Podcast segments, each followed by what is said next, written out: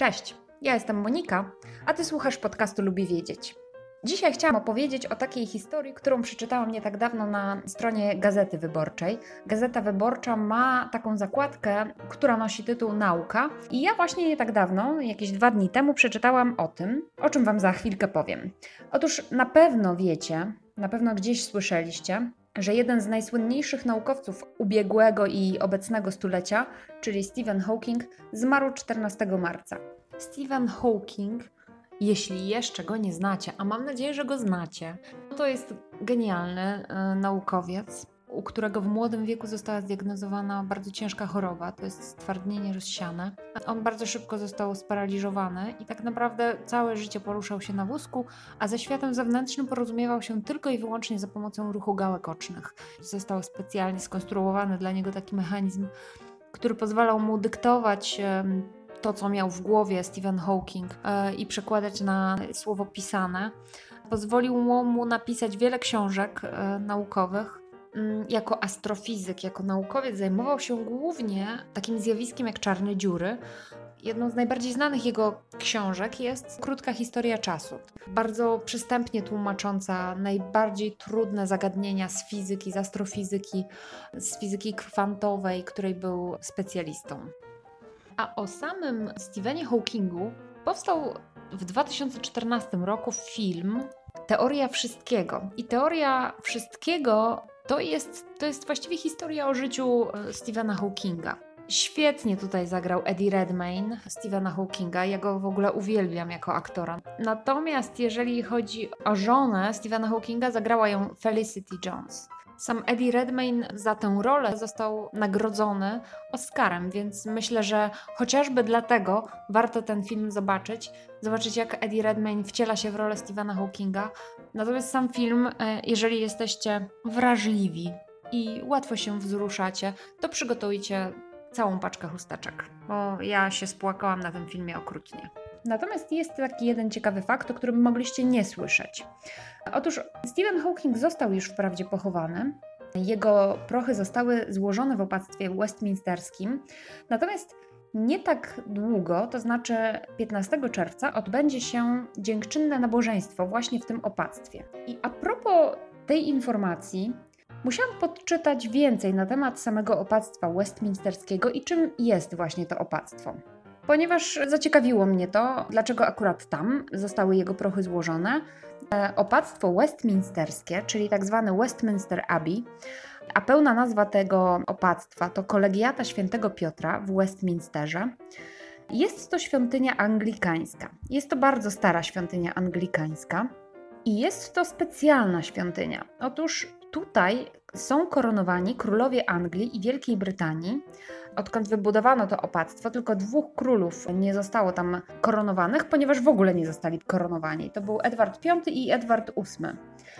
Od VIII wieku są tu również chowani. Tutaj odbywają się pogrzeby wielu znamienitych osobistości, oraz królów, albo królów oraz znamienitych osobistości, nie tylko zasłużonych dla Anglii i Wielkiej Brytanii, ale w ogóle dla historii całego świata.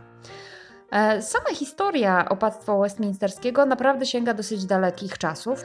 Pierwsza świątynia w tym miejscu została zbudowana w 616 roku naszej ery. Pierwszy klasztor powstał tam 200 lat później, około 800 roku naszej ery.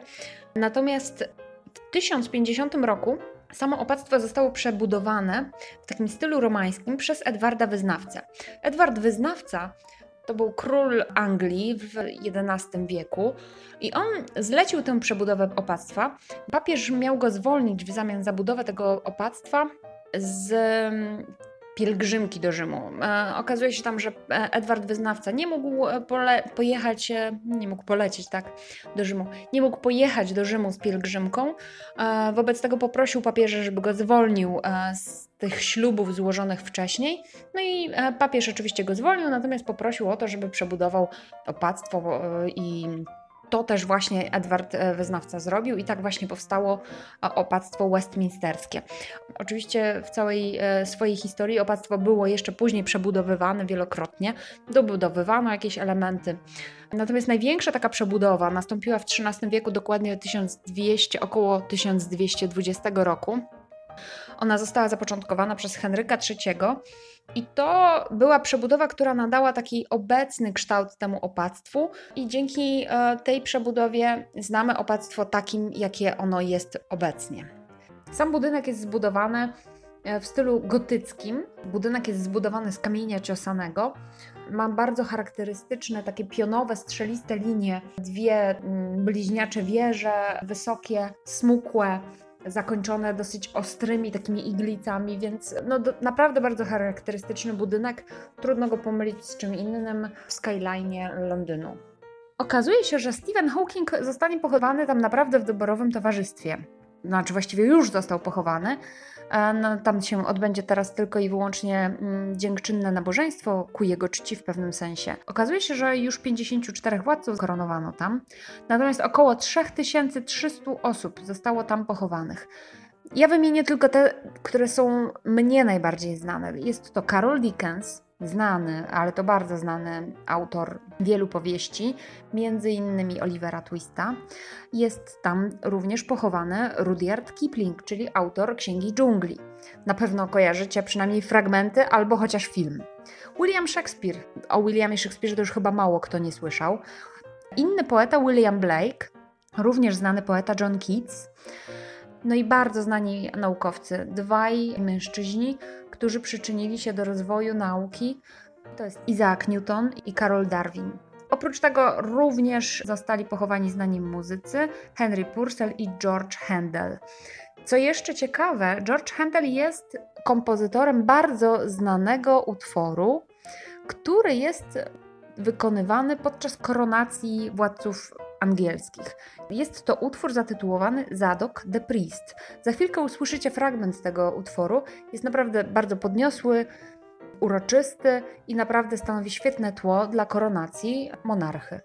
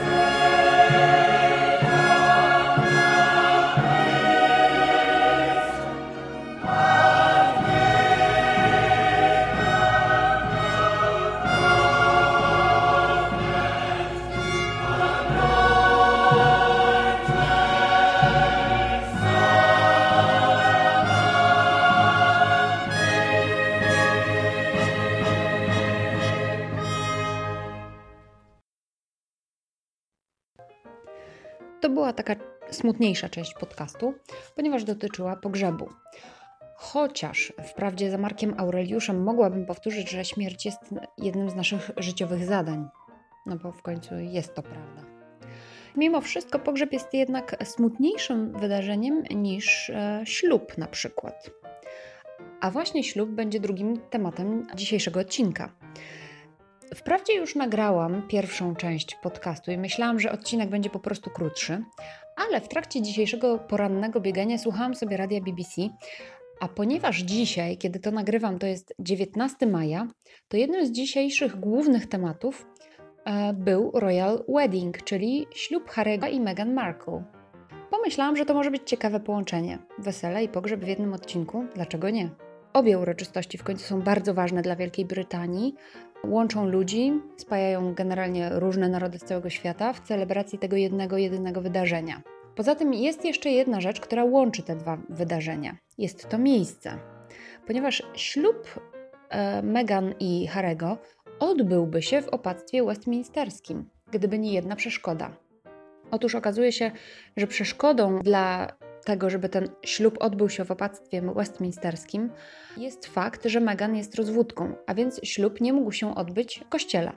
Ślub odbędzie się w obecności około 600 gości. Ponieważ ojciec Meghan Markle nie będzie na ślubie obecny, z powodu niedawno przybytej operacji kardiologicznej, podobno jeszcze pozostaje w szpitalu, a w każdym razie nie może podróżować, to pannę młodą do ołtarza poprowadzi sam książę Karol. Ale, ale, skoro ślub Harego i Meghan nie odbędzie się w Westminster Abbey, to gdzie się odbędzie? Ślub odbędzie się na zamku Windsor, a dokładnie w kaplicy świętego Jerzego. Sam zamek Windsor został zbudowany w XI wieku przez Wilhelma I zdobywcę. Następnie oczywiście tak samo jak i opactwo westminsterskie był wielokrotnie zbudowywany przez kolejnych władców, a tę kaplicę świętego Jerzego, w której odbędzie się ślub, zaczął budować Edward IV w XV wieku. Zamek Windsor razem z Buckingham Palace w Londynie i pałacem Holyrood w Edynburgu jest jedną z głównych oficjalnych rezydencji brytyjskich monarchów. Podobno królowa Elżbieta II, czyli obecnie panująca monarchini, przyjmuje tutaj oficjalnych, ale nie tylko oficjalnych, również prywatnych gości. Zamek Windsor e, to podobno jest największy zamieszkiwany zamek na świecie. Ma on aż 800 metrów długości i 19 baszt. Można tam 19 księżniczek umieścić na każdej baszcie i każda by powiewała białą chusteczką. Sam zamek Windsor można również zwiedzać. Tak zerknęłam na stronę tego zamku. Bilet wstępu dla dorosłej osoby kosztuje około 21 e, funtów, więc no, tanio nie jest, ale podobno warto. Mają sporo mm, malarstwa, rysunków, e, również rzemiosła artystycznego.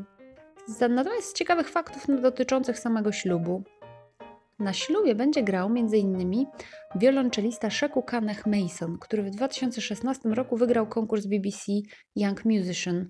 Puszczę Wam tutaj kawałek jednego z jego utworów, żebyście zobaczyli, jak on pięknie gra, naprawdę przepięknie.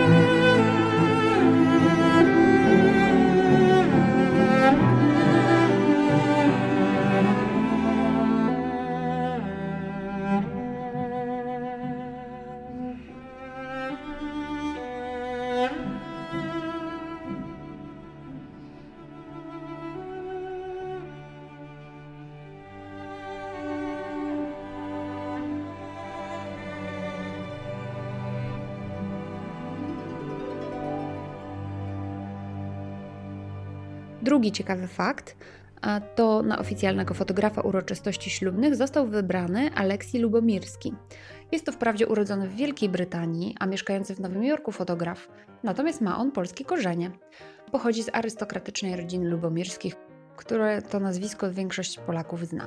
Jest on znany z fotografii dla wielu znanych magazynów modowych. Fotografował m.in. Beyoncé, Julia Roberts, Scarlett Johansson, Gwyneth Paltrow i wiele, wiele innych gwiazd. To był piąty odcinek podcastu Lubię Wiedzieć, w którym połączyłam pogrzeb i wesele. Jeśli i Ty lubisz wiedzieć, to subskrybuj mój podcast w swojej aplikacji, żeby nie przegapić kolejnego odcinka. W dzisiejszych notatkach znajdziesz linki do źródeł informacji oraz różne inne ciekawe, przydatne informacje. Możesz także polubić fanpage na facebook.com slash lubię wiedzieć podcast, ponieważ tam zamieszczam wiele dodatkowych nowinek naukowych i nie tylko naukowych wyszukanych w sieci. Możesz również do mnie napisać na adres lubiewiedzieć małpa interia.pl. Do usłyszenia. Cześć!